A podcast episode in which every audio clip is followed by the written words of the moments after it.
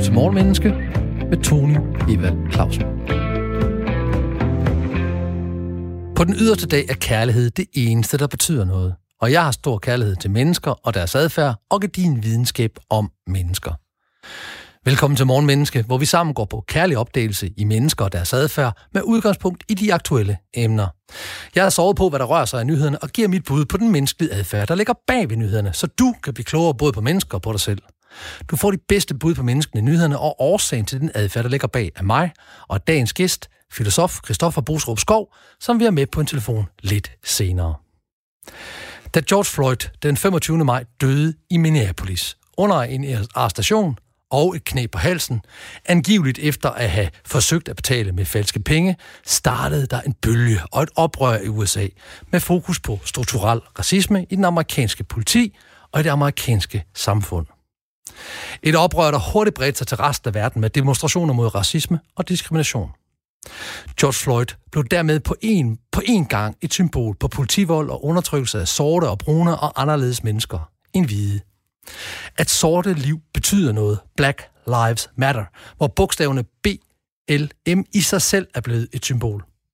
Og en af konsekvenserne er, at man har vandaliseret statuer og sågar væltet og fjernet nogle af dem. I USA har nogle byer og stater fjernet statuer af sydstatens generaler og andre referencer til sydstaterne og racisme og slaveri.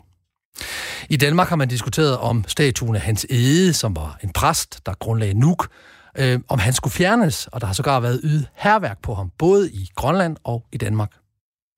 Vores egen lille havfru har også været udsat for herværk, hvor man skrev racistisk fisk på selve stenen, hun sad på. Og jeg mener, hun er jo ikke nogen fisk, og jeg ved ikke, om hun er racist.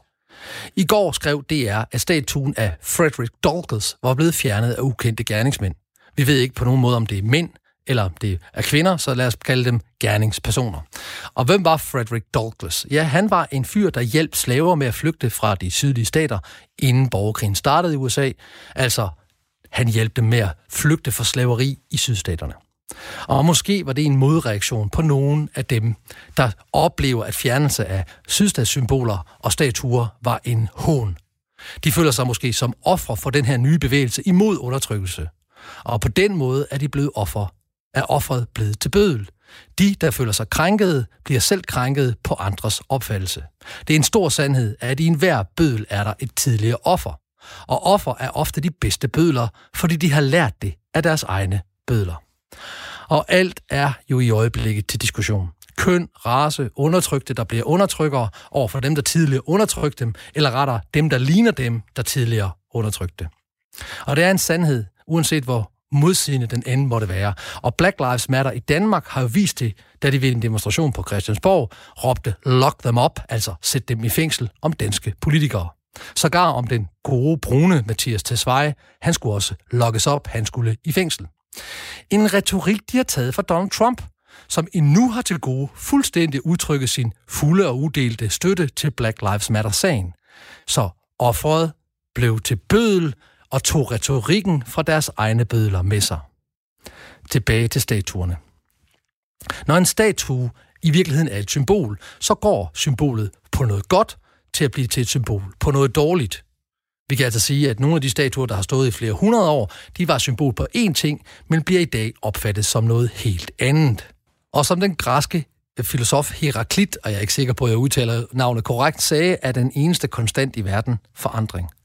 Og vores syn på historie forandrer sig konstant, og det samme gør vores syn på de symboler, der står i det offentlige rum. Du lytter til Morgenmenneske, program, hvor vi hver morgen ser på mennesker og adfærd bag nyhederne og aktuelle emner. Og i dagens Morgenmenneske, der dykker vi ned i symboler og deres betydning over tid. Og slår jeg op i betydningsordbogen og kigger på, hvad, hvad betyder symbol, ja, så er symbol et navneord, altså en ting, en genstand, noget, som repræsenterer noget andet, altså et grafisk tegn, som repræsenterer et abstrakt begreb, eller det kan faktisk også være et kemisk symbol eller et kemisk tegn.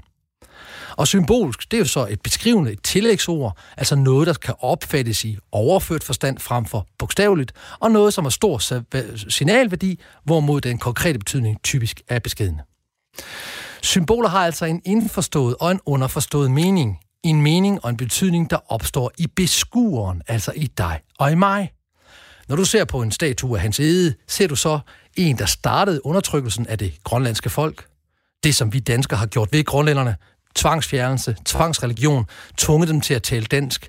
Eller ser du en person, der bragte kristendommen til Grønland, grundlagde Nuuk og udgav kristne tekster på grønlandsk allerede i 1747? Ja, meningen opstår jo inde i dig, inde i mennesket, i vores bevidsthed, i vores indre. Så meningen, det er noget, vi skaber. Det sker, når vi ser symbolet, så skabes der en mening. Når vi får ny information eller en ny bevidsthed, så kan den her mening ændres. Og pludselig ser vi det, der i går var et symbol på noget godt, som noget helt andet i dag, og i den her sammenhæng noget direkte modsat. Menneskets psyke indeholder en masse paradoxer, og her er især en af dem, nemlig det faktum, at vi oplever, at vi er adskilte fra andre. Min mening, min holdning. Vi er subjektive væsener, vores private, personlige holdning og opfattelser. Der er stor variation fra person til person, og, som, og det er typisk en forholdsvis stabil holdning, vi har i forhold til andre menneskers holdninger og symboler og synspunkter. Undtagen på modsætning, nemlig vi også oplever, at vi er et fællesskab. Og når vi har nogen, når der er nogen i vores omgivelser, vi har et fællesskab med, og som har en anden holdning, eller giver os ny information, så påvirker det vores subjektive mening, og vi ændrer holdningen. Ofte uden at opdage det. Og jeg ønsker på ingen måde at støde, støde nogen som helst af vores lyttere, når jeg siger det her. Men jeg bliver nødt til at fortælle en historie fra mit eget liv. Nemlig om, om min historie med ordet nære. Det brugte vi i min kristendom om sorte. Og Martin Luther King kaldte sågar de sorte for Negroes. Og da det startede alt det her med, at man ikke må sige nære mere, så tænkte jeg, fuldstændig ærligt, kære lytter, at det er noget pjat. Jeg er opvokset med ordet. Min lovformelige lillesøster er sort som natten. Hun er født af en sort mor og har en sort far. Og hende har jeg ofte kaldt nære i forhold til at beskrive, at hun er sort, når jeg skulle beskrive hende over for andre.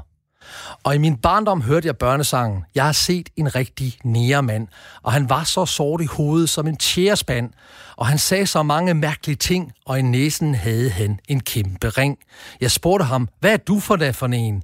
For hvorfor har du smurt sværte op af dine ben? Og sangens næste to vers handler så om indianermand, rød og kinesermand, gul. Og sangen er blevet et symbol på racisme. Og i filmen Festen af Thomas Winterberg blev den brugt som et racistisk budskab til en sort mand, der var gæst ved festen. Så jeg sagde altså nære, også om min lille søster og om sorte mennesker. Og jeg synes, det var helt okay at sige det, fordi det var det, jeg var opvokset med. Indtil sorte mennesker fortalte mig, at når jeg sagde ordet neder, så hørte de, at jeg sagde slave. Altså en betegnelse for undertrykkelse, og at de var ikke lige så meget mennesker som andre. Og det ændrede min subjektive holdning til at sige nære. Så nu siger jeg sort. Min intention var nemlig på ingen måde at udtrykke noget andet end en fysisk beskrivelse af, hvordan min lille søster ser ud, og hvordan sorte ser ud.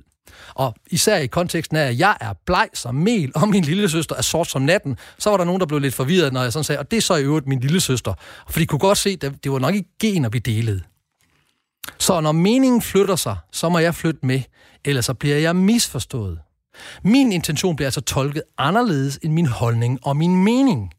Og derfor bliver jeg nødt til at flytte mig. Og det, der er ingen grund til at blive stedig omkring det. Altså, hvis der er nogen, der hører mig sige det her ord nære, og hører jeg på den måde vil undertrykke dem, så er det ikke min intention. Det er slet ikke det, jeg vil. Og god kommunikation er blandt andet, at man formidler sin intention, som modtageren forstår intentionen. Nea var for mig altså en fysisk beskrivelse af min lille søster, aldrig en racemæssig holdning. For mig er alle mennesker mennesker, uanset hudfarve, tro eller overbevisning, og det ønsker jeg at formidle. Hvorfor jeg nu siger sort i stedet for N-ordet, som jeg så kommer til at referere til som N-ordet fra nu af. Det er heller ikke helt fair det her med, at sangen er racistisk. Den er blevet et racistisk symbol. Og når jeg siger fair, så mener jeg, at det er jo blevet et racistisk symbol. Men hvis vi nu hørte hele sangen, hvad siger den sidste vers så? Er det også racistisk? Og det har jeg faktisk slået op og kigget på, for jeg, har, jeg kan ikke huske, at jeg har sunget alle vers, jeg kan bare huske den her med en rigtig næremand. Og her er sidste vers. Jeg tror, alle folk skulle males blå, så blev de nemlig sjovere at kigge på. Så kunne sort og rød og gul og hvid være sammen i en verden uden strid. Og så spørger jeg, ej, hvad er du der for en? For jeg ved, vi alle har de samme sære ben. Så lærer vi blot og siger så disse ord, og ordene fortæller, hvad jeg tror. Lad ej farven på mennesker spille ind. Vi må mødes med et godt og ærligt sind. Men det ændrer intet ved, at det kan godt være, at forfatteren til at se den rigtige nære mand på ingen måde var racistisk, at hans budskab lå i sidste vers, og det var, at vi alle sammen det hele. Lad ej farven på mennesker spille ind. Vi må mødes med et godt og ærligt sind hvis det er blevet tolket således. Og ord bliver til symboler i vores bevidsthed, fordi det er, hvordan vi deler vores opfattelse af virkeligheden med hinanden. Så du skal altså sikre, at at du, jeg skal altså sikre, at du forstår min intention. Og hvis jeg vil være sikker på det, så bliver jeg tvunget til at forstå, hvordan du tolker mine ord, min beskrivelse af min virkelighed. Jeg tager altså ikke nogen chancer, og derfor, fordi jeg aldrig vil opleve som andet end det, jeg rent faktisk har en intention om, at jeg gerne vil sige, så ser jeg fra nu af sort og ikke N-ordet. Du lytter stadigvæk til Morgenmenneske, hvor vi i dag dykker ned i symboler og hvordan de kan ændres over tid. Aktuelle emner, som for eksempel øh, statuer, der blev udøvet herværk på, den lille havfrue, der er blevet skrevet på, og en statue af den sorte Frederick Douglass, der hjalp sorte med at flygte fra sydstaterne, og slaveriet, begge to har fået herværk. Hvad sker der i mennesket i forhold til symboler? Og hvis vi går til den gode gamle Freud, Sigmund Freud, så snakkede han om projektionsbias, at vi overfører vores værdier og holdninger til andre. Vi tager altså udgangspunkt i vores egen subjektive oplevelse. Det kalder jeg så mig-teorien. Du opfatter en kommunikation ud fra dine følelser, værdier og holdning, og ubevidst vil du ofte lægge dine følelser, værdier og holdninger over på dem, du kommunikerer til. Modtageren vil så altså bare opfatte den her information ud fra deres individuelle følelser, værdier og holdninger. Og det er jo der, den kan gå galt. Hvis jeg siger et ord, der hos dig bliver oplevet som noget helt andet, end min intention er. Derfor skal jeg være opmærksom på projektionsbiasen. Jeg skal være opmærksom på min egen mig-teori. Og jeg vil godt give et eksempel. Jeg elsker mørk chokolade med hasselnødder, og hvis jeg så vil give dig en gave, altså for eksempel vil give dig chokolade, så vil det være fuldstændig åbenlyst for mig, at du skal selvfølgelig have mørk chokolade med hasselnødder, for det er præcis den gave, jeg vil blive glad for. Og så giver jeg dig gaven, og så kigger du på mig og siger, tusind tak, Tony. Ja, nu lige mørk chokolade med hasselnød, det er sådan ikke lige mig. Øh, jeg vil hellere have hvid chokolade, der smager af chili og med en smag af lakrids.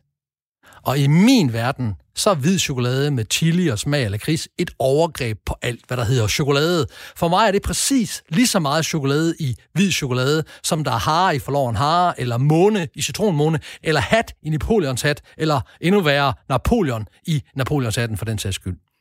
Min mig-teori, min subjektive oplevelse, overfører jeg ubevidst til andre. Og det er altså en naturlig tendens, vi har i vores, i vores, i vores underbevidsthed og i vores bevidsthed. Jeg skal altså, for at kunne sætte mig over den naturlige tendens, være bevidst, opmærksom og nærværende. Hvad symboliserer det, jeg siger nu for den person, jeg møder? Det kræver, at jeg spørger, at jeg lytter og jeg reflekterer. At tænke kræver mere af vores hjerne og kræver mere energi af os. Så det her med, at vi har en naturlig tendens til at undgå at tænke, og i stedet for, så tager vi vores subjektive, allerede forberedte holdninger og værdier og overføre dem til det emne, der er aktuelt. Vi bruger vores mig-teori. Mine holdninger, dine holdninger. Symboler er, hvad vi gør dem til som individer og i det fællesskab, vi oplever, vi er en del af. Vores subjektive private meninger er stærkt påvirket af den gruppe, vi er nedsunken i, hvilket ofte er ubevidst. Nogle tænker, at vi er blevet historieløse, når vi fjerner statuer, hvis symbolik pludselig har ændret sig. Det er ikke min holdning. Historien er ofte, at historien bliver skrevet af sejrherrene. Winston Churchill sagde sågar, at historien vil være flink mod dig, for jeg agter at skrive den, hvilket han så gjorde. Så lige nu er der så mange bevægelser i gang, som måske mere for at gøre opmærksom på de dele af historien, der aldrig er blevet skrevet, mere end at gøre os historieløse. Det, at vi fjerner statuer, gør os ikke nødvendigvis historieløse.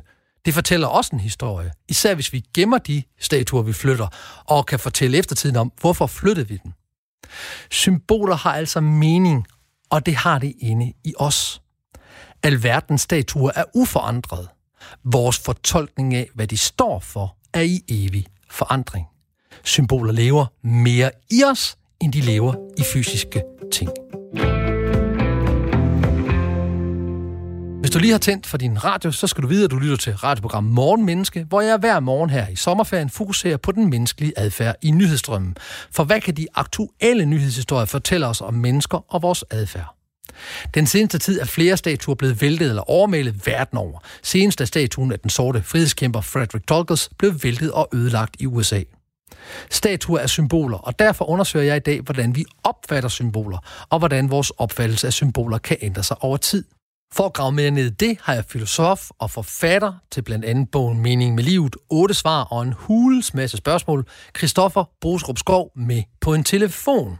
Hej Christoffer. Hej hej.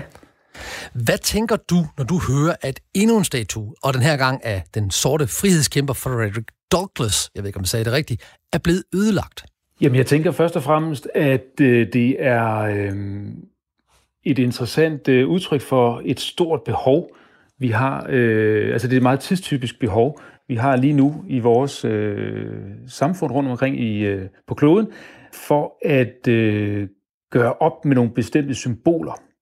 Øh, fordi alle de her statuer, som vi øh, rundt omkring stiller spørgsmålstegn ved, øh, er jo symboler på noget. Mm. Og øh, sådan rent filosofisk betragtet er symboler et rigtig, rigtig interessant begreb eller fænomen. Øh, fordi et, et symbol, det betyder egentlig for, sådan for græsk, betyder det et, et, et øh, tegn eller et kendetegn, men også et, et, øh, et skillemærke faktisk. Så man kan sige, det er et symbol af noget, der skiller sig ud fra noget andet. Mm. Øh, og symboler øh, har jo den styrke, og er jo egentlig ret vigtig for os øh, på alle mulige måder, fordi det har en styrke i sig, øh, fordi det indeholder en eller anden form for betydning. Øhm, så det repræsenterer noget andet, det repræsenterer måske en betydning, eller øh, måske endnu mere, endnu større en idé om noget. Øhm, og vi, øh, vi kender det jo selvfølgelig fra øh, noget som litteraturen, ikke? Hvor, hvor noget er symbol på noget. Ikke? Hvis vi, vi læser om en rød rose et eller andet sted, så er det måske et symbol på en kærlighed, eller hvis vi hører om et spejl, så er det måske et billede på et, et, et ego eller et selv, og vi kender det også fra vores eventyr. Vi læser fra, fra børnene, ikke? Når, når de går i en skov, så er det som regel et eller andet stort, ukendt område, eller noget udtryk eller symbol for, for det ubevidste eller mm. underbevidstheden. Så, så symboler er jo noget, vi, vi færdes i til dagligt, og øh, vi kender det jo øh, også fra noget sådan helt praktisk, som for eksempel bare penge. Penge er jo også et symbol på en eller anden værdi. Penge har ikke sig selv, i sig selv en eller anden værdi. Øh, som sådan, det er jo bare et stykke papir, hvis det er en seddel at tale om. Mm. Men vi, det er jo symbol på en eller anden form for værdi, og det er noget, vi tillægger så rent filosofisk betragtet er det jo interessant, at vi lige nu har et, øh, et, et behov for at gøre op med øh, nogle symboler eller nogle idéer. Øh, og det kan man sige øh, er måske mest af alt udtryk for, at vi er blevet øh, øh, bevidste om nogle bestemte ting. Og, og nu det her med at blive bevidst, og, og, og det her med, at vi, hvis du skulle give sådan et, et, et, og det er selvfølgelig en stor opgave, men kunne du give sådan et filosofisk vinkel på, nu går jeg simpelthen ud og finder nogle statuer, så ødelægger jeg dem, eller fjerner dem, eller yder herværk på dem. Vi har også øh, set herværk på den lille havfrue, hvor der stod racistisk fisk, selvom hun ikke er en fisk, men en, en, hav, en havfrue. Hvad, hvad, hvad, hvad, hvad tænker du? Kan du give en vinkel på, hvorfor er det den her trang, den her ødelæggelsestrang eller markeringstrang opstår, ud fra sådan et filosofisk perspektiv? Jeg vil jo sige egentlig sådan, øh, det er jo det er jo egentlig sådan en, en sprogliggørelse af verden, ikke? Når, når vi taler om de her symboler ofte. Altså, det er jo en kategorisering af verden, fordi når vi, øh, vi, vi lever i verden, og det er sådan en, kan man sige, sådan en, inden for filosofien, vil man sige, sådan en fenomenologisk øh, tilgang til verden, ikke? Altså, man lever i en verden, hvor der er nogle sprog, nogle begreber og nogle identiteter. Øhm, men de opstår kun, vil man sige, øh, ved, at man taler om det på en bestemt måde, eller man kategoriserer verden på en bestemt måde. Mm-hmm. Og, øh, og det er jo det samme, man kan sige, vi, vi, vi gør det i det små, men vi gør det også i det store, når vi taler om nationalstater. Så er det jo en stor identitetsfortælling, vi hører til et bestemt øh, land eller en bestemt nation med en bestemt historie.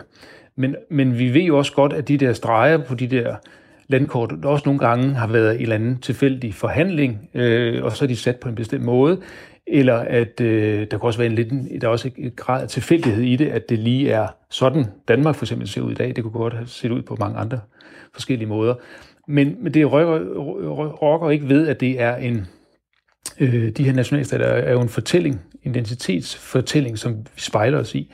Øh, men det er jo også en meget magtfuld fortælling, fordi hvis du ikke øh, kan se dig selv som en del af det, eller hvis det indeholder nogle problematikker, så er det jo klart, at vi på en eller anden måde øh, føler os provokeret af det, og på en eller anden måde også øh, hvad hedder det, føler, at vi skal gøre oprør mod det. Altså nu, nu er det jo også meget med, med hvad hedder det, relation til Grønland, hvor, hvor øh, statuen med, med hans ede, som man så øh, hvor jeg tror, der stod decolonize øh, på den øh, hvad hedder det, statue, der var på Grønland, for man sige, det er jo en, selvfølgelig en direkte reference til den der historiske øh, relation, der har været mellem Danmark og Grønland, og nogen, der ikke øh, føler sig inkluderet, kan man sige, i den fortælling, øh, der er om det her samlende rigsfællesskab. Og det kan du jo ikke vide, men vi har faktisk øh, allerede omtalt, inden vi ringede dig op, øh, hans ede, og det han bliver et symbol på, øh, på det danske, det danske, eller i hvert fald på et eller andet omkring kolonisering. Øh, jeg kunne godt tænke mig at prøve at dvæle lidt ved det her med, at vi har et offentligt sprog. Altså, vi, vi vil komme med en eller anden form for bemærkning. Hvad kan bemærkningen være ved at fjerne en statue af en sort frihedskæmper i, i en Black Lives Matter-tid, sådan fra dit perspektiv?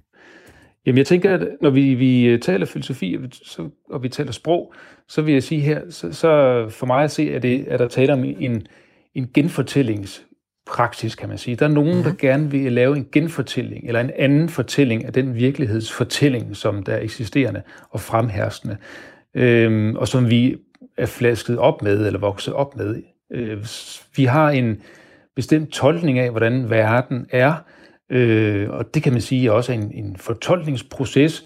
Øh, vi, har en, øh, vi har lært om i skolen og i vores kultur og samfund, at sådan her øh, har historien været. Der er nogle elementer, vi ikke har hørt så meget om i historien. Øh, for eksempel har vi, har vi ikke hørt så meget om det danske øh, slavehandel faktisk i, i, i, øh, i vores historietime. Men jeg husker i hvert fald ikke noget fra, fra nogle øh, hvad hedder det, folkeskole historietimer, at, at det var et element. Det vil sige, at vi prioriterer jo også nogle ting i vores genfortællinger, eller i vores fortællinger af, hvordan verden hænger sammen. Og, og, og hvorfor gør vi det? Altså, fordi du, du har fuldstændig ret, at det eneste, jeg husker, nu er jeg snart 50 år, jeg ved ikke, hvor gammel du er, men jeg husker nemlig også, at det eneste, der blev sagt, det var, at vi solgte de her fantastiske jomfruøer, dem solgte vi til USA. Der var ikke så meget snak om, hvorfor det var, at vi solgte dem, eller hvad vi havde brugt dem til. Nej, og det er jo, det er jo, det er jo altså man kan sige, øh, det er jo også langt mere, øh, altså jeg, kan, jeg synes, der var sådan en fortælling om, at, at danskerne var også nogle af de første, der, der gik imod slaveriet og ophævede det som nogle af de første og sådan noget. Og, og det er sådan nogle af de fortællinger, som måske ikke rigtig holder helt vand, når man sådan gennemgår det historisk. Men det er jo ligesom at, at fortælle historien om sig selv, kan man sige, som individ. Det er jo ikke så flatterende at fortælle alle de, de dårlige sider ved en selv. Det er jo ikke det, man starter ud med, når man sidder ved et middagsselskab. Man vil jo gerne øh, fremstå som en interessant eller spændende person, eller hvad det nu kan være. Man ligger ikke ud med at fortælle alle øh, de dårlige sider øh, af en selv, og på samme måde kan man sige, er det jo også med, med en fortælling om en, en, en, øh, en nation. Øh, der fortæller man jo, har man en, bestemt fortælling om, hvordan er den, øh, øh, hvad er essensen her. Øh, og der er der måske ting, man udlader. Og det kan man sige, det er jo interessant, fordi man skal jo have hele øh, smøren med, hvis man skal have sådan et mere nuanceret billede, eller måske mere rigtigt billede, mm. øh, hvad hedder det, af, af hvordan tingene er. Og det, og det er jo klart, her taler man jo så også, øh, sige, der er også nogle magtrelationer her, ikke? Altså det, det er jo, det er jo øh, i og med, at man har definitionsmagt, eller definitionsretten, så har man jo også en magt. Fordi hvis jeg kan definere noget, hvordan tingene er, og folk tror på det, så har jeg også en stor magt, øh, fordi så har er min fortolkning, min fortælling, det er den, der er den herskende. Og det kan den være i en lang periode, indtil der er nogen, der kommer og siger til mig, hov, det der, du siger der, det holder da vist ikke helt vand, eller hvor har du det fra? Så det kan man sige, der har man mere en kritisk indstilling til det, og så vil man have behov for at sige, hov, vi bliver, vi bliver simpelthen nødt til at fortælle det på en helt anden måde. Det her med, at sejrherren skriver historien, det er altid sejrherren eller magthaveren, der skriver historien. Er, er, er, det, er, er det, du mener det? Ja, lige præcis. Øh, og, og der kan man sige, der ligger jo en stor magt i det, fordi så kan man udlade nogle ting og ophæve andre måske. Øh, og, og, og så kan man sige, så ligger der jo en, en, en kraft i at skulle prøve at øh, genfortælle det. Og det er jo klart, at hvis man trykker noget ned, øh, så vil der måske også altid opstå en eller anden form for modtryk på et tidspunkt. Og det tror jeg, det er det, vi ser nu i de her forskellige øh, øh hvad hedder det, øh, demonstrationer, der er rundt omkring det synes jeg er meget interessant, og det vil jeg meget, meget gerne tale meget mere om efter nyhederne. Vi skal lige gøre plads til dem, og Thomas Sand står klar til at fortælle om de nyeste nyheder. Du lytter til Morgenmenneske med Tony Eva Clausen. Hen over sommeren kan du hver morgen blive klogere på menneskelig adfærd, hvis du altså har tændt for din radio her mellem kl. 6 og kl. 7, eller hvis du hører det på podcast. Og her i Morgenmenneske tager jeg udgangspunkt i nyhedsstrømmen og hvad nyhederne kan fortælle om os mennesker og vores adfærd. Og i går kunne vi læse nyheden om, at endnu en statue er blevet væltet og ødelagt, den her gang i USA. Statuen forestillede en sort frihedskæmper, der hedder Frederick Douglass. Og derfor taler vi om symboler i dagens udgave af Morgenmenneske. Hvordan opfatter vi symboler, og hvordan kan vores opfattelse af dem ændres med tiden? For det, der tidligere var et symbol på noget godt, kan med tiden ændres til at være et symbol på noget skidt. Og med mig har jeg stadigvæk filosof Christoffer Bosrup Skov, og han er blandt andet forfatter til den kommende bog, der hedder Kritisk Tænkning, der blev udgivet i efteråret på Gyldendal. Og før vi gik til nyhederne, så talte vi om historien og historiens magt, og vi talte blandt andet om, at historien ofte bliver skrevet af sejrherrene. Men lige nu kan man jo sige, at historien bliver skrevet af de undertrykte. Hvad tænker du om det, Christoffer? Jamen, det er fuldstændig rigtigt. Øh, det synspunkt er jeg sådan set enig i, og man kan jo egentlig øh, forstå det som sådan et, øh, en, en, hvad skal man sige, en, noget, der stammer fra den her oplysningstid, eller oplysningsprojektet, ikke? fordi det handler jo meget om viden, mm. øh, og hvis øh, man har en, øh, altså en gruppe af mennesker, eller hvad skal man sige, hele samfundet, der får en større viden om, hvad der egentlig er sket, så er det jo også et tegn på, at øh, der er noget frigørende over det, i mit, øh, ud fra, set ud fra mit perspektiv. Mm. Fordi, som du siger, altså, øh, det er sejrherne, der definerer historien. Men hvis vi får mere viden om, flere informationer om, øh, hvordan ting egentlig er sket, eller hvordan øh, tingene har forholdt sig, så har vi også mere øh, eller bedre i stand til egentlig at kunne opponere mod noget, hvis vi synes noget er uretfærdigt eller uetisk, eller noget ikke øh, var på den bestemte måde. Ikke dermed sagt, kan man sige, det følger ikke nødvendigvis, at det så er, er det rigtige at gøre, men man kan sige, så får man i det mindste en, dis, en diskussion eller en debat om det. Så på den måde synes jeg jo egentlig, at det er en, en en, øh, en opblomstring af en eller anden form for oplysningsprojekt, hvor der er noget frigørende over det, frem for at det er nogen, der tøjler øh, folk eller har en, en bestemt vinkling, som skal være sandheden. Det er jo egentlig en, en, øh, en hvad skal man sige, øh, nogle perspektiver, der bliver åbnet op for. Og tror du, det er til dels begrundet det faktum, at vi nu rent visuelt kan se det? Altså, havde vi fået historien om en fyr, der var, der var blevet arresteret, og så sad de på hans øh, hals i øh, 8 minutter og ikke, ikke antal sekunder, havde det berørt os lige så meget mod det, vi så gør nu, hvor vi rent faktisk kan bære vidensbyrd om. Vi kan simpelthen sætte og se den her frygtelige video. Jeg har ikke set den færdig, det vil jeg gerne sige. Jeg tror, jeg har set 30 eller 40 sekunder, så har jeg scrollet videre. Men kan det have en indflydelse på, at vi nu giver de undertrykte mere plads i den offentlige debat? Ja, det, det tror jeg. Øh, man kan sige, de undertrykte, øh, eller dem, der føler sig undertrykte, har fået en mulighed for at komme til ord. Øh, og det er jo, kan man sige, øh, også de sociale mediers skyld, og selvfølgelig de her visuelle øh, hvad hedder det, ting, man kan bruge, og den her video er meget, meget stærk. Mm. Så man kan sige, det bliver jo også selv et symbol på noget, Øh, og det er jo klart, det vækker jo en masse ting, og så man kan sige, det har jo måske den øh, egenskab, at der var no- noget, man ikke kunne sprogliggøre eller visualisere før, som lige pludselig bliver visualiseret, og så kan det åbne for en masse ting, øh, som man måske har latent har haft i sig, at der er en uretfærdighed til stede. For nogle gange kan det jo være svært at sætte ord på, hvad hedder det, øh, en eller anden form for, øh, hvad skal man sige, øh, undertrykkelse, eller hvad det nu kan være. Øh, men her har, har nogen fået det serveret. Ikke? Her er det så mm. tydeligt, at helt bogstaveligt talt er der tale om en, en, en undertrykkelse, eller nogen, der bliver øh, med magt holdt nede. Øh, og, og det er jo et meget, meget stærkt symbol, øh, som man selvfølgelig øh, har, har benyttet sig af her. Og, og det er jo en bevidstgørelse, altså vi bliver langt mere bevidste om, hvad der skete med George Floyd, når vi kan se det. Hvad siger filosofien om et menneske, der bliver bevidstgjort? Hvad, hvad, hvad, hvad, siger, hvad siger de det? Kan du sige noget klogt om det? Hvornår bliver vi bevidstgjort? Jeg kan sige noget om det. Jeg ved ikke, om det er, klogt. Men altså, øh, filosofien har, har jo en, øh, en, en, øh, en, en stærk tradition for, kan man sige, for, for det rationelle. Altså for en, en, sådan en grund, øh, hvad hedder det, indstilling, der hedder, at det, det bedste argument må vinde. Ikke? Altså helt fra, fra Sokrates har man jo ligesom søgt efter det rationelle ved mm. verden, og det sande ved verden, og det gode øh, ved verden.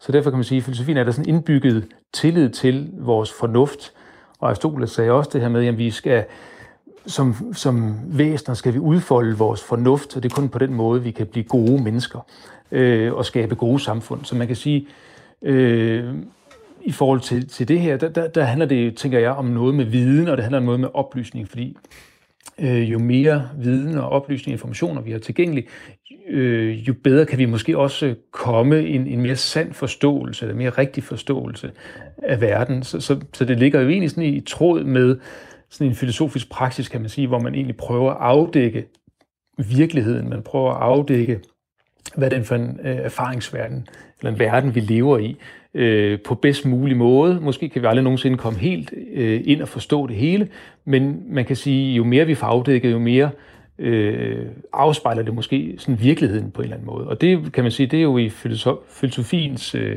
interesse, at vi afdækker så meget som muligt på en, på en god og fair måde, så vi sådan kan komme tættere på, på sandheden, hvis man skal sådan svinge sig op og sige noget mm. meget filosofisk. Og nu siger du sandhed, og en, en af de ting, jeg jo beskæftiger mig rigtig, rigtig meget med, det er menneskets bevidsthed, altså hvordan vi opfatter og perciperer, perciperer ting, og jeg kigger jo rigtig meget på, hvad øh, socio, sociovidenskaben siger om, hvordan vi interagerer, hvordan vi tager beslutninger. Og en af de ting, der er meget typiske for et, vores sådan, tilgang til menneskets beslutningsprocesser, det er, at vi kigger efter et rationale, som ikke nødvendigvis er det samme som logik. Hvad ville et sokratisk, og nu nævnte du selv Sokrates, hvad ville et sokratisk spørgsmål til nuværende tilstand med statuer og symboler, hvad, hvad kunne det for eksempel være? Det sokratiske er jo øh, sådan set øh, metoden, som Sokrates benytter. Mm. Og metoden er jo dialogen. Øhm, og øh, det rationelle i en dialog. Altså, derfor er det jo så, så vigtigt, øh, og det er det, man som filosof jo altid tyr til, det er jo netop meningsudvekslingerne mm. og dialogen, for det er der, vi sådan kan nå en, en, en eller anden form for erkendelse. Øh, så det er jo vigtigt, at, øh, at det ikke bliver en skyttegravskrig, for eksempel, hvor nogen sidder i den ene ende og skyder på nogen, der sidder i den anden, der skyder lidt ledes på hinanden. Men at man egentlig har en, en færre og god diskussion om noget, som forhåbentlig kan kan gøre, at vi begge, eller alle parter, bliver klogere eller får nogle nye perspektiver på noget. Ikke dermed, at vi alle sammen skal blive enige, eller hvad hedder det, øh, sådan øh, klappe hinanden på ryggen og sige, nu har vi fundet ud af det. Men, men det, er jo, det er jo sådan en, menings, en rationel meningsudveksling, hvor, hvor øh, man forhåbentlig øh, når en eller anden erkendelse af, af verden.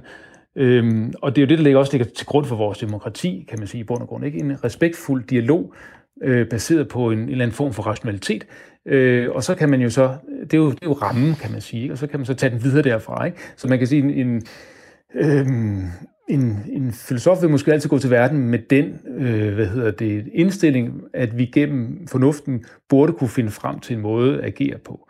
Så øh, hvad hedder det, det centrale ved, ved Sokrates vil, vil være det her med dialogen frem for alt og du lytter til Morgenmenneske, og vi har lige nu filosof og forfatter Christoffer Boserup Skov med, og vi har stillet ham et voldsomt spørgsmål, nemlig et sokratisk spørgsmål om, at hvad ville Sokrates øh, stille i, i den her dialog, vi har lige nu. Hvordan, hvordan har man dialoger med mennesker, der ødelægger ting? De er jo gået, altså det er jo, det er jo et udsagn i sig selv at have ødelagt statuen, eller have, et udsagn i sig selv at have fjernet den, eller øvet herværk.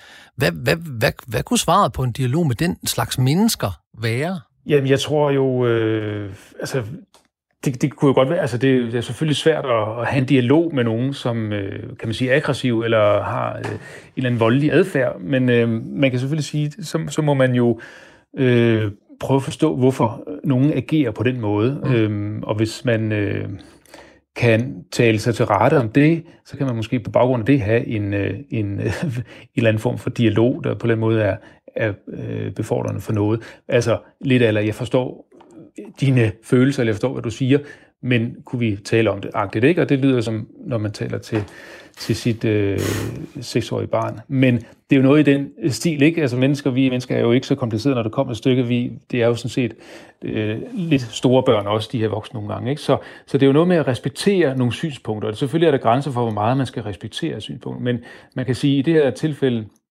Øhm, der er der måske noget om snakken, der er nogen, der har en eller anden, øh, hvad hedder det, et behov for en genfortælling, så bliver vi nødt til at finde ud af, hvad er det, hvorfor har de det, og hvad er det for en genfortælling, øh, de gerne vil have, og synes vi, det er rimeligt. Øh, og så er det jo den snak, man skal have, den dialog, man skal have. Øh, men altså, jeg medgiver da selvfølgelig, at det kan være svært at lige prikke en på skulderen, der står ved at, at hælde rød maling op af en statue, og komme så langt i en dialog der, det kræver måske nok øh, nogle andre kompetencer også. Men, men sådan rent øh, ideelt, der vil det jo sådan være noget med, at man, man har en forståelse af situationen, hvor man inddrager så mange perspektiver som muligt, som så gør, at man kan have en dialog fremad, øh, der ligesom peger fremad. Og hvordan gør vi det? Fordi en af de ting, jeg har bemærket, både på de sociale medier og på Nationen og alle mulige andre steder, som det er også sociale medier, men en af de ting, jeg har bemærket, det er, at folk, de, de er ikke i dialog. Det er ikke en, et ønske om, ligesom sådan Carl Rogers sagt, at jeg skal forstå dit synspunkt, for at jeg kan uddybe det, og så dermed også forstå mit eget synspunkt. Så hvad vil et godt råd være til, at hvordan kommer vi i dialog med mennesker, der grundlæggende bare råber deres holdning? Jamen, det er jo et, et, et rigtig, rigtig godt spørgsmål, må man sige. Og der er man også i filosofien i to lejre, fordi øh, øh, hvis vi går tilbage til, til øh, Sokrates og Platon især, der, der er der jo en, en, en, en udbredt holdning om, at, øh, at demokrati jo også kan være en, en, en farlig ting, forstået på den måde, at så får øh, alle mennesker, også dem, som måske ikke øh, har de bedste forudsætninger for at være rationelle, eller det, som de sagde, pøblen, får skal, har også en mening, har også noget at skulle have sagt, og det lyder jo helt forfærdeligt for os i dag. Øh, men det mener man rent faktisk som et, et synspunkt, at det vil sige, at alle øh, må sige deres mening og skal høres. Det, for Platon var det sådan helt vanvittigt øh, at forestille sig det. Øh, og så har vi den anden i 20. århundrede, den store tyske filosof Habermas, som har et ideal om, at det her med kommunikationen, den fornuftige, rationelle kommunikation, det er det, øh, hvad hedder det, der kan binde os sammen, og det er det, som vi må basere alt på. Så vi har sådan en pessimistisk øh, Øh, hvad hedder det, i antikken, en pessimisme i forhold til det med, om, om skal alle ligesom have noget at skulle have sagt. Altså nationen øh, fremstår jo nok for Platon som noget af det, af, altså ligesom øh, som argumentet for, hvor, hvor forfærdeligt demokratiet jo sådan set godt kan være. Ikke? Øhm, og så har vi den anden ende, Habermas, som siger, at det er det eneste, det er det eneste mulighed, vi har, det er den her rationelle enighed, eller øh, at nå til en enighed gennem rationaliteten lytter til Morgenmenneske, hvor vi hver morgen går på opdagelse i mennesker og deres adfærd ud fra aktuelle ting og nyheder. Og nyheden omkring, at statuer bliver fjernet og vandaliseret, gør, at vi i dag kigger på symboler og hvad symboler er. Og vi taler med filosof Christoffer Boserup Skov, og vi taler om, hvad er den gode dialog? Og det, det er jo så det gode spørgsmål, ikke? Øhm, fordi det kræver jo noget altså, af, af alle, øh, og der kan man sige, det, det fordrer jo også noget, når man indgår i en dialog, så er det jo ikke bare noget, at man stiller sig op, og så må man så bare øh, hvad hedder det, kaste synspunkt ud til højre og venstre, og så øh, måske endda også være lidt øh, spydig eller nedladende. Altså det kræver noget at gå ind i en dialog, og det glemmer vi måske nogle gange. Altså det er en, der er en fordring, vil man sige, nærmest en etisk fordring, altså en forpligtelse til at man prøver at forstå hinanden. Mm. Og det kan vi måske have tendens til at glemme, og det kan man måske godt slå en sløjfe over på det her med de sociale medier.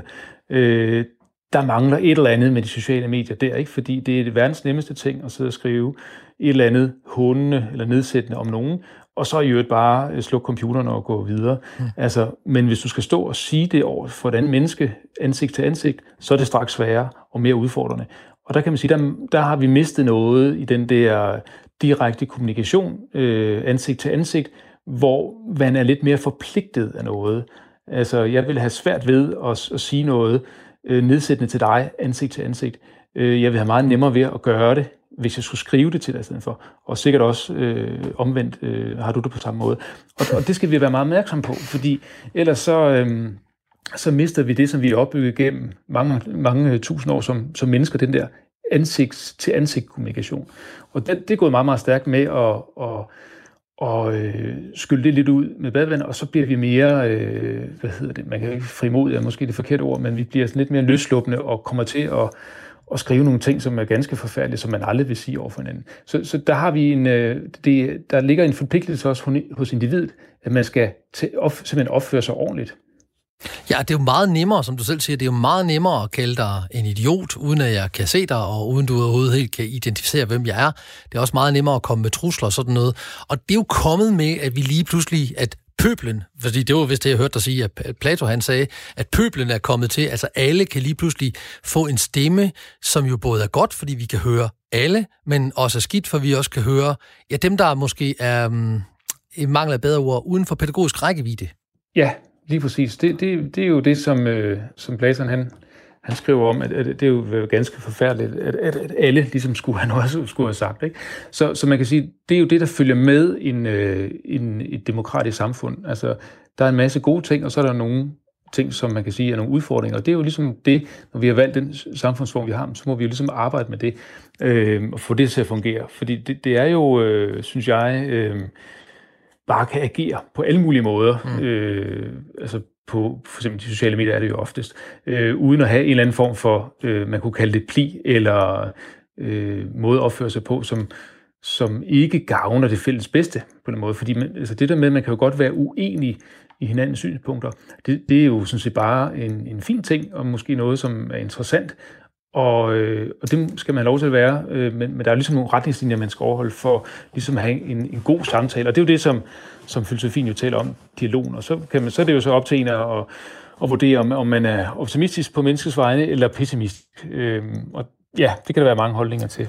Og, og så kunne jeg godt tænke mig at anholde det her, fordi det, det, det tror jeg, jeg ved en lille smule om. Er der ikke en, et sådan regelsæt for, hvad er en god dialog, hvis du, tager, hvis du trækker på nogle af vores øh, filosofiske forfædre?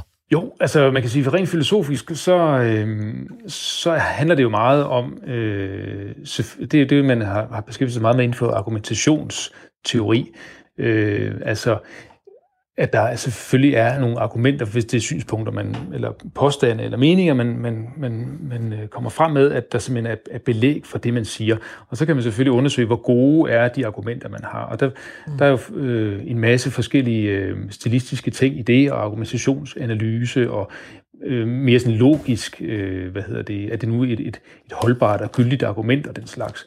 Og det er jo stadigvæk noget, vi, vi kan bruge i dag, fordi man, man skal selvfølgelig have der skal være en bund i det, man siger. Hvis man nu anklager nogen for noget, så skal mm. der selvfølgelig være hold i det på en eller anden måde. Man kan ikke bare komme med, med en mulig påstand og slynge det ud. Altså det har vi trods alt øh, øh, stadigvæk en, en, en vis øh, hvad hedder det, respekt for. Øh, og så kan man så sige, så retorikken, som jo på mange måder er, i hvert fald officielt, hvad hedder det, eller dengang i antikken var lidt filosofiens fjende, øh, har jo meget med, hvordan man kan overbevise øh, andre om noget. Og det var Sokrates øh, øh, ikke så glad for, fordi han søgte jo hele tiden sandheden gennem en eller anden form for rationel udveksling af meninger, og var, var lidt øh, i opposition til de her sofister, der gik rundt og underviste i retorik, der handlede om at overbevise andre om noget, og så var det ikke så vigtigt, om det nu også var sandt eller falsk. Og det er sådan lidt øh, skarpt sat op, ikke? Men, men det, er jo, øh, det er jo også relevant i dag, fordi der findes jo mange måder at argumentere på, øh, og mange måder sådan at overbevise nogen om noget, og nogen mm. kan jo måske godt være lidt øh, smart i en fart og lave nogle retoriske knep, så det kommer til at se ud som om, at vedkommende har et, et godt argument, øh, men har det måske ikke alligevel, og så er der måske nogen, der bliver overbevist af det osv. Så, så der er stadigvæk gods i øh, i dag at bruge en eller anden form for argumentationsanalyse i vores offentlige debat. Jamen altså, er der overhovedet belæg for det, der bliver sagt? Øh, hvem har sagt det? Er der nogle interesser på spil? Øh, og så videre, så videre. Det er det, man også kunne kalde kritisk tænkning. Ikke? At vi bliver nødt til at have en eller anden form for, for kritisk tænkning og dialog, som er baseret på noget, på noget fornuft. Og det lød nemlig som, som kritisk tænkning, det der. Jeg plejer sådan at, kigge på det her med overbevise og overbevisning ud fra, fra ordbogen, nemlig at, en, at overbevise, det er et verbum, og en overbevisning, det er et substantiv. Altså, altså at overbevise, det er noget, der kommer udefra, noget, jeg skal få dig til, hvorimod en overbevisning, det er noget, der lever inde i mig. Lidt ligesom jeg også påstår, at symboler, det starter inde i os selv. Hvad tænker du om det? Ja, det, det synes jeg lyder, det lyder meget rigtigt. Man kan sige, den her, at overbevise nogen om noget er, er sådan en aktiv øh, handling eller noget. Mm. Altså, der skal gøres et eller andet øh, for at blive overbevist om noget. Og det kan man gøre på mange måder. Øh, og, og i klassisk retorik har man enten gjort det ved, at, at det er nogle bestemte, der har en, en bestemt status, der siger noget, jamen, så har man tendens til at tænke, jamen, så må det jo også være rigtigt. Altså hvis en meget, meget klog, estimeret person siger noget, jamen, så, må vi, så må vi jo næsten antage, at det er rigtigt. Øhm, eller man kan køre mere sådan en, en, en logisk, øh, eller appellere til en form for fornuft øh, i sin argumentation. Så, så, øh, så det her med at overbevise, det kan man jo gøre på rigtig, rigtig mange måder. Øh, og, og vi skal jo være opmærksomme på, at vi i den øh, proces øh, hvad skal man sige, kører rent trav, altså at det skal være en, det skal foregå efter reglerne på den måde. Og, og her kan man sige, i forhold til det her med de her statuer og symboler, er det jo også noget med at inddrage flere perspektiver. Mm. Fordi hvis vi kun argumenterer ud fra vores eget perspektiv hele tiden, og ikke formår at hæve os op og se, at der findes andre perspektiver, så kan man jo også risikere, at vi bare kører lidt i ring og, øh, og ikke formår at øh, inkludere andres perspektiver, eller i hvert fald modargumentere det på, på en god måde. Øhm, og så, og så kommer vi ikke rigtig videre, fordi det, og det kan man sige, det er jo den store fare ved, ved de her diskussioner, der, der nogle gange kan være, at, at øh, hvis man ikke er i stand til at, at kunne se, hvordan argumenterer andre, hvad deres øh, bevæggrunde og hvad deres mm. argumentation, øh, hvis man ikke er i stand til at håndtere det ordentligt, så, så bliver det ret uinteressante diskussioner, fordi så kommer man bare til at gentage sig selv igen og igen, fordi man egentlig har taget stilling til noget, og måske egentlig ikke rigtig øh, er interesseret i at, at skifte holdning til det. Du lytter til Morgenmennesker, og vi har filosof Christoffer Boserup Skov med, og vi har gået dybt ind i filosofien og i retorikken, og vi har snakket både Sokrates og Plato, og jeg ved ikke, om vi nævnte Kant i dag, men Habermas var i hvert fald ind over, så vi har virkelig været ude i de, i de det med, med høje ligstal. Men, men jeg, har, jeg, har, jeg har et spørgsmål med her til allersidst, nemlig den her med, kan vi opstille nogle, nogle gode råd til vores lyttere på? Jamen, jeg vil faktisk gerne fremme den gode dialog. Har du nogle gode råd til, til dem, der gerne vil det? Noget filosofien kan lære os? Jamen altså, filosofien, øh, kan man sige, har jo altid haft det her med begrebsafklaring, eller det med at, at finde ud af, hvad, hvad er det egentlig, vi siger? Og der kan man sige, det er jo også det, man bruger mange steder i, øh, i, øh, i psykologien, det her med at lytte, altså være god til at lytte. Hvad er der egentlig, der bliver sagt? Øh, fordi øh, man, man kan jo hæve, at mange af de misforståelser, der sker, når vi taler forbi hinanden på kryds og tværs, både i det helt øh, mikro, men også i det helt store makroperspektiv, det er jo, at vi egentlig ikke rigtig lytter til, hvad der egentlig bliver sagt, eller at vi ikke rigtig helt forstår, eller hvad der bliver sagt, eller vi ikke får det afklaret på for, øh, mm. eller først og fremmest. Ikke? Så, så vi har jo en anden, en, ja, det man kan inden for filosofien vil sige en begrebsdefinition, ikke? Altså, eller man kan sige, hvad er det egentlig, vi taler om? Og det lyder fuldstændig basalt, øh, men det er ofte sværere øh, end som så, fordi vi skal simpelthen øh, være være klare i mailet på, hvad det egentlig er, vi siger. Hvad er det egentlig, øh, vores øh, perspektiv er, vores påstand. Øh, så der kan man jo starte. Og så kan man jo øh, starte også med, altså selvfølgelig finde ud af, hvad det, er, man, hvad det egentlig er, man mener, og hvad den anden mener. Øh, og så kan man måske starte med at, at hvad hedder det, prøve at afdække, hvorfor er det, jeg mener det, jeg gør? Hvad er det for et perspektiv, jeg har på det? Mm-hmm. Og hvad er det for nogle argumenter, jeg bruger? Og tilsvarende med den anden. Så kan man sige, så har man ligesom afklaret øh, og afdækket ting, så er der ikke nogen øh, skjulte agendaer eller noget, som øh, hvad hedder det, øh, ikke kommer frem. Og så kan man sige, så har man de bedste forudsætninger, vil Habermas for eksempel sige, for at have en god øh, dialog. Øh, og det kan man sige igen, det der med, at det fordrer noget af os, det, det kræver faktisk noget af os. Så det er ikke noget med, at vi bare sådan kan gøre, øh, hvad hedder det, øh, med øh, sådan halv øh, bevidsthed, eller mens vi laver noget andet. Nej, det, for, det, det kræver faktisk, at vi går ind i det og er til stede, øh, og opmærksom og aktivt lyttende. Øh, og det aspekt kan jeg sådan set godt lide, at det kræver noget af os at være en god samtalepartner. Opmærksom, bevidst og til stede. Mit mantra i den grad, og du hørte her den gode Christoffer Boserup Skov, filosof og forfatter til den kommende bog Kritisk Tænkning, udgivet på Gyldendal. Og vi var en rejse ind i filosofien. Og Christoffer, tusind tak for dit input, din inspiration og dine interessante vinkler. Selv tak, det var en fornøjelse. Du lytter til programmet Morgenmenneske, hvor jeg hver morgen her i sommerferien fokuserer på den menneskelige adfærd i forhold til aktuelle emner, her mellem kl. 6 og 7 eller på podcasten. Og fordi endnu en statue er blevet vandaliseret i USA, og fordi vores egen havfru blev det først på ugen, har vi i dag kigget på symboler og deres betydning over tid. Vi havde en filosof, nemlig Christoffer Bosrup Skov, igennem, og han gav os sit bud på symboler, deres betydning, og den kommentar, som herværk kan være. Og det fik os til at tale om dialog, og hvad er en god dialog? En god kommunikation. Og kommunikation kommer af det latinske ord communicare og betyder at gøre fælles. Vi skal altså lave en fællesgørelse imellem mennesker eller grupper, eller måske en fællesgørelse med dig selv. Det kalder man også selvindsigt. At ødelægge eller fjerne en statue er aldrig nødvendigvis særlig god kommunikation, fordi handlingen kan polarisere dem, der retfærdiggør det, og dem, der synes, det er noget sceneri. Så holdningen og budskabet kan gå tabt i den her holdning, vi har til, hvad herværk og vandalisme er. Man misser simpelthen pointen, fordi man synes, det er noget svineri, der blev lavet. Og derfor vil jeg være så ambitiøs at slutte dagens morgenmenneske med mit bud på, hvad god kommunikation er. Fordi netop god kommunikation er grundlaget for den gode dialog, hvor begge parter i kommunikation udveksler synspunkter til større indsigt i sit eget og den andens synspunkt. Og her kommer den. Den gode kommunikation er karakteriseret ved følgende markører. Vi har en direkte i talesættelse af, hvad vores forventninger er for begge parter. Altså, jeg er åben omkring, jeg forventer det her, og du kan forvente det her af mig. Hvad forventer du? Jeg har også en helt klar dagsorden. Altså en helt klar dagsorden. Hvad er målet med vores kommunikation? Hvor skal vi hen med den? Og jeg sikrer også, at modtageren forstår min intention eller min intentioner.